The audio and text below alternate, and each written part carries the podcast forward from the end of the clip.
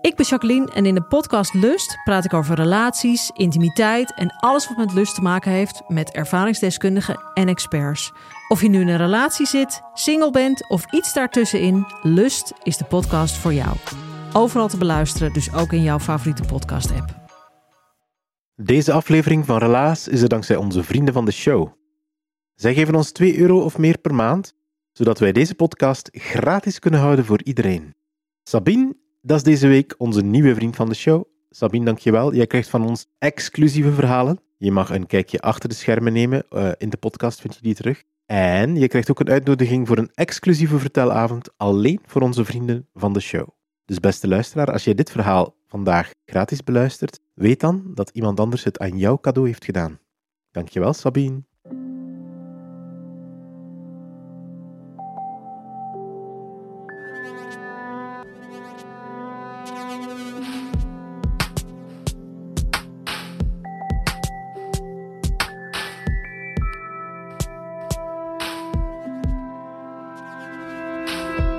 Hey, ik ben Pieter van Relaas. In Relaas vertellen mensen waar gebeurde verhalen die ze zelf hebben meegemaakt. We gaan luisteren naar Chris. Het is een slapstick verhaal als je het mij vraagt. Eh, de enige die het echt niet grappig vond, dat was Christa zelf. Ze heeft het wel verteld in Hoogmis in Antwerpen.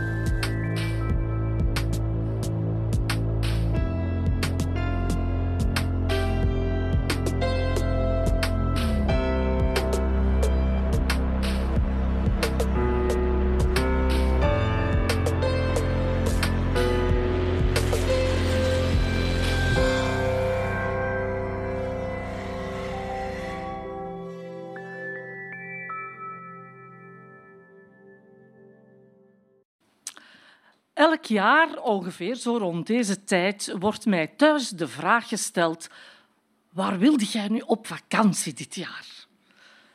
Naar Griekenland? Uiteraard. Dus gingen wij vorige paasvakantie voor de vierde keer naar Mallorca. Dat is een ongelooflijk schoon eiland met Pasen. Echt waar. Er kunnen zo van genieten. Wij wandelen ook heel graag. Dus dat was eigenlijk een beetje onze wandelvakantie. Dus wij dachten, oh, dat is er groen. Het is niet te warm. We kunnen daar lekker gaan eten s'avonds. Alles pik en span. Ja, ja, wordt geweldige vakantie. 1 april is onze eerste wandeldag. We zijn er helemaal klaar voor na een geweldig ontbijt in het hotel. En we parkeren onze auto, onze huurauto, we parkeren die net buiten Polenza. Dat is een stadje aan de kust. We zeggen, oh ja, want dan kunnen we nog zo wat door dat stadje wandelen. Kunnen we er allemaal van genieten. Een stukje langs het strand. Oh, nog zo wat de zee zien. De bergen op de achtergrond. Ah ja, geweldig. En zo komen wij helemaal aan het beginpunt van de wandeling Cala de Boquer. We kenden ze. We hadden ze al eens gedaan, een van de vorige jaren. Je kunt dat zelfs met kinderen doen, staat in de gids. Dus wij dachten, makkie, rustig, om te beginnen. Wij zien zo wat bordjes met de fauna en de flora en doen heel geïnteresseerd. Oh, kijk, daar vliegt een valk. Oh, wauw, daar een geit. Echt geweldig. En op een bepaald moment komen wij aan een pijl die uit de grond getrokken is. En die heeft twee richtingaanwijzers, maar die geven allebei dezelfde richting aan. Dus wij weten zo niet goed welke kant we moeten nemen. En we besluiten, we gaan langs rechts. Een paar honderd meter verder, rechts, zet ik mijn rechtervoet, zonder dat ik het weet, in een hoop slijk. Maar echt van dat vies, vuil, vettig, grijs, plakkerig slijk. Ik voel dat dat niet goed gaat komen, dus ik denk, oh nee, ik moet heel rap met mijn linkervoet terug wat in mijn evenwicht geraken. En ik besef dus niet dat eigenlijk daar de grote slijkpartij pas begint dus ik denk, wat overkomt mij hier? Ik begin dus van die helling af te gaan. Maar ik denk, ja, dat kun je niet, niet, niet glijden noemen, dat kun je ook niet waggelen noemen. Dat was iets heel raar, precies of ik was op ijs aan het stappen en ik had geen grip en ik voelde echt ongelooflijke paniek en echt waar, niet gelogen, doodsangst. Ik denk, ik zie die rotsblokken op mij afkomen. Ik ga gewoon de vernieling in. Ik ga dit niet meer kunnen navertellen. Dat is er gedaan met mij. En ik slag achterover mijn rugzak in het slijk. Achter mij, mijn man. Die dacht, moet die gaan redden, dus die was gekomen. Die was ook onderuit gegaan, iets minder dramatisch dan ik. Dus wij zitten er zo wat verweest in dat slijk van wat is dat hier allemaal? En hij trekt mij recht en hij zegt, dat is een praktische geest, draai u een beetje naar de zon. Want je hangt helemaal vol slijk en dan kan dat wat opdrogen. Ik zeg ja, over omdraaien gesproken. Uh, moet eens zien in mijn hand, want dat is tot helemaal omgedraaid.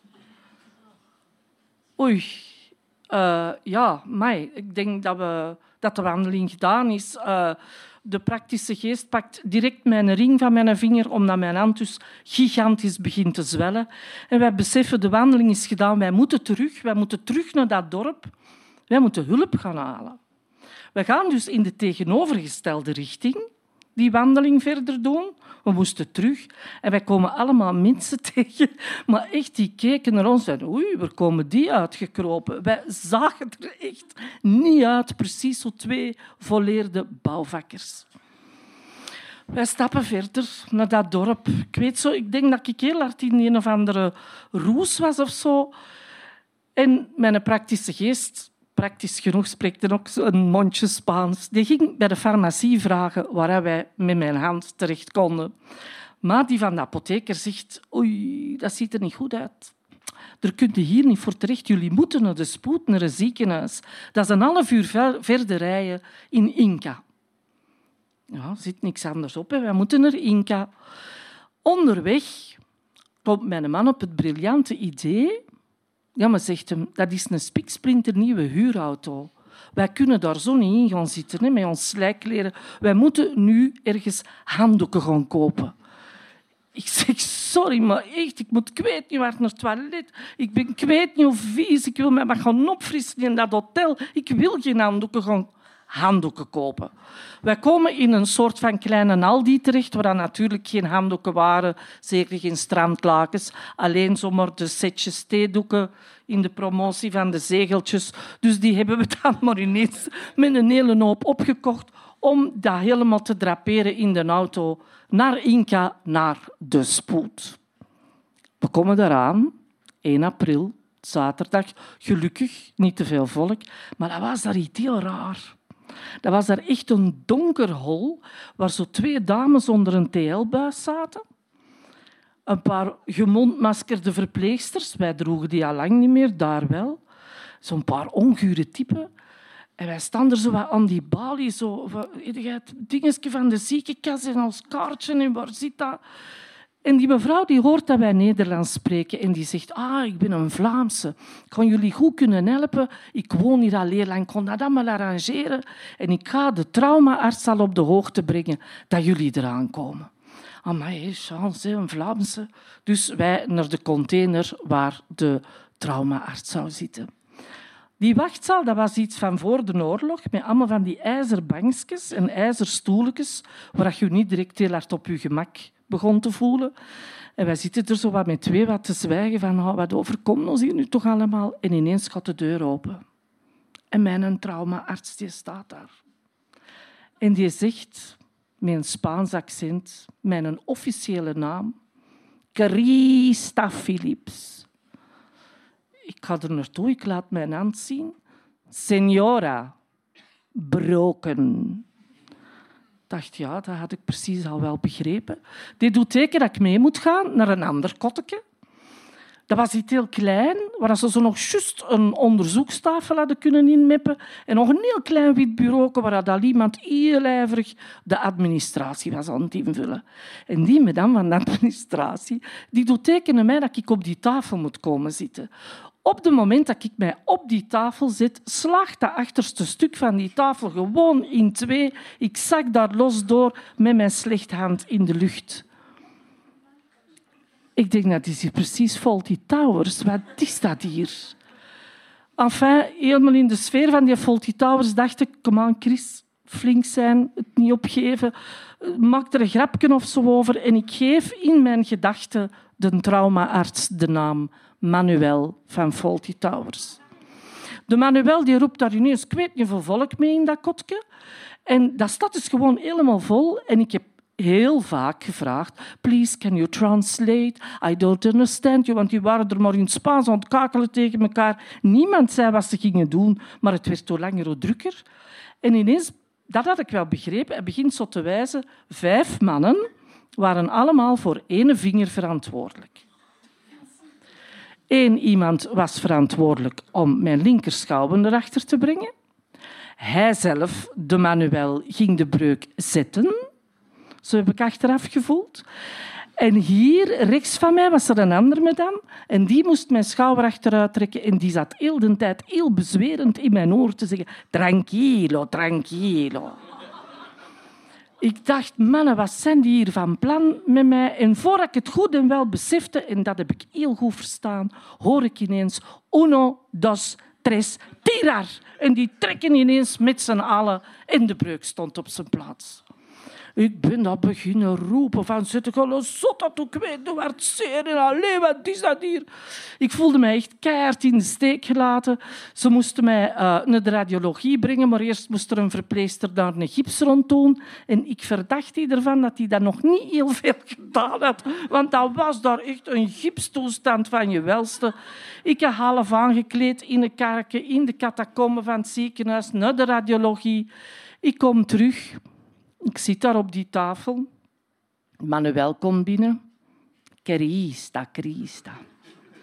No good. Ik denk, oh, wat zegt hij nu no good? En die begint er tegen al die mensen terug uit te leggen. Van, ik had niet zo goed, nog, niet, nog niet goed begrepen wat hij mij aan het zeggen was. En dus die doet al teken dat die gips er al terug af moest. Ik denk, oh, wat is hier de bedoeling van? Um, en die begint dus terug, allemaal vinger, hier, schouder. Ik denk, oh, nee, nee, nee, nee. Dus ik begin daar te roepen, anesthesie, anesthesie, anesthesie. No, no, no, no, no, Christa, Christa, complicaciones. No, no, no, no. Ik denk, de Manuel, die lustert gewoon in mij. Wat is dat hier toch? En ik, ik was echt in shock. Ik heb geroepen, gehuild. Want ik dacht, mannen, dit is misdadig. Gaat dat geen tweede keer ineens stompen zonder verdoving die Vlaamse erbij. Ja, madame, uw bloedvaten. En, en, en. Mijn man erbij, want je zat nog in de wachtzaal. Dus die had deel 1 al in de wachtzaal kunnen horen. Allee, iedereen, ja, maar het is voor je eigen goed en je moet dat laten doen. Ik dacht, oké, dan ga ik nog maar eens heel hard roepen. Tweede deel. Uno, dos, tres, tirar. Roefel terug. Iedereen zijn job gedaan. En het was gefixt. Terug een gips daar rond, maar een gips, dat wilde niet weten voor de mensen die de Flintstones kennen, dat was echt een Flintstones-knots. Dat was, dat was gigantisch. Dat was gewoon breed. Dat zat tot hier. Ik kon daar niet mee uit de voeten. En Emmanuel die komt terug binnen met een lach. En met zijn duim omhoog. Christa, super. Ik zeg, ja, ja, nee, nee, nee, niet super. Ik doe dus steken naar die gips. Ik begon echt benauwd te krijgen. Ik denk, man, ik niet hyperventileren. En ik, claustrofobie, claustrofobie niks van. De Manuel die dacht, uh, moes fixar. Dat heb ik ook nog zo'n paar woorden Spaans had ik toch begrepen. Dus ineens zegt hij Manuel, ja, die zijn taak zat erop. Oké, dag. Uh, als jullie naar België gaan, dat gaat niet met zo'n gesloten gips. Je moet je laten openzetten, maar er moet er niet van mij komen. Oké, okay, wij zitten zo wat echt ja, helemaal groggy in ons hotel een beetje te bekomen. Bellen ondertussen naar de verzekering ook een raar uitlegje, want die van de verzekering die zei dan hoor eens waar rond in het hotel waar, dat de beste plaats is om die te laten openzetten. Ik denk, moeten wij dat doen? Dat is toch de taak van de verzekering? Enfin, terug naar die kliniek, want wij moesten toch thuis geraken.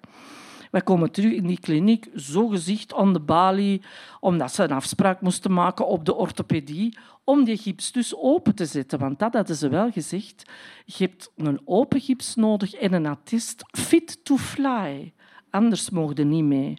Ik weet niet hoeveel stress, hoe moeten wij eraan geraken? Die zijn hier helemaal niet meegaand. Enfin, wij zitten daar 10 april toch flink op de afspraak. In, aan de andere kant van dat ziekenhuis stonden er zo drie verpleegsters zo wat in een kotteke te kijken zonder ons. Van wie zijn dat? Wat doen hier? En wij horen zo dat die zo zitten te mompelen. Los extranjeros, los extranjeros. En die doen zo wat van... Wat komt hier doen? Ja, maar we hebben een afspraak voor die gips open te hm. Die hadden er precies nog nooit van gehoord. Dus die nemen ons uiteindelijk dik tegen hun goesting toch mee in het kotteke. De behandelende arts die had gewoon geen goesting om te komen kijken. Dus die heeft orders gegeven door de deuropening. En zij moest de gips openzetten. En dat was ook een waar ik van wist. Dat is ook de eerste keer dat jij dat doet. Die zat er maar te knoeien. Ik kon het nooit vergeten. Ik had een donkerblauw bloesje aan. Na vijf minuten zat ik helemaal ondergesneeuwd van de gips. Ik dacht, mens, ligt er toch iets over. Wat is dat hier nu?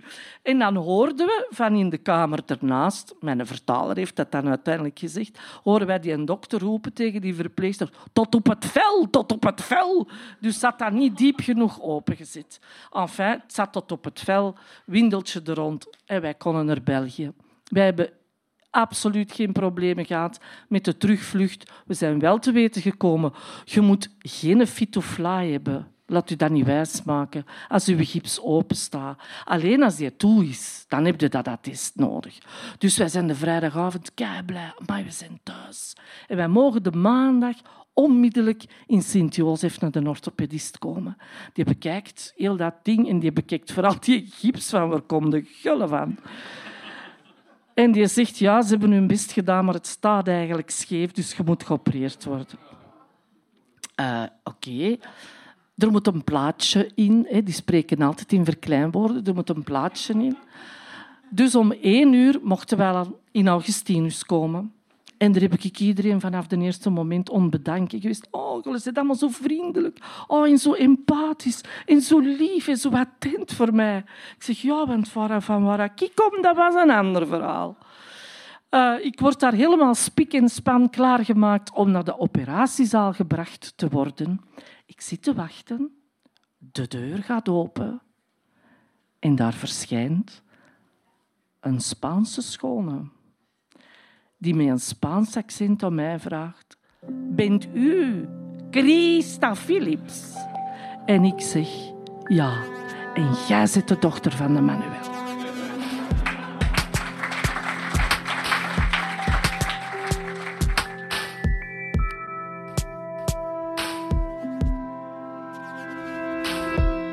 Dat was het relaas van Chris. Ze heeft het verteld in Hoogmis in Antwerpen in oktober van 2023.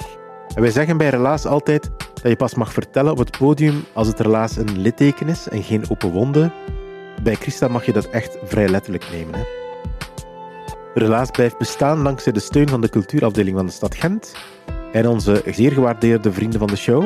Maar om in 2024 een nieuw seizoen van Relaas mogelijk te maken, hebben wij extra geld nodig. Heel eerlijk. Dat geld wordt gebruikt om onze coördinator te financieren en die ondersteunt meer dan 25 vrijwilligers. Dus uh, wij zoeken nog 10 sponsors die Relaas in 2024 willen steunen en die wij meenemen in al onze communicatie-inspanningen. Dat zijn uh, flyers, banners, vertelavonden en natuurlijk ook in deze podcast.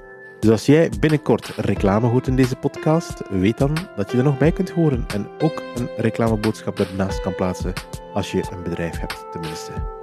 De firma dankt u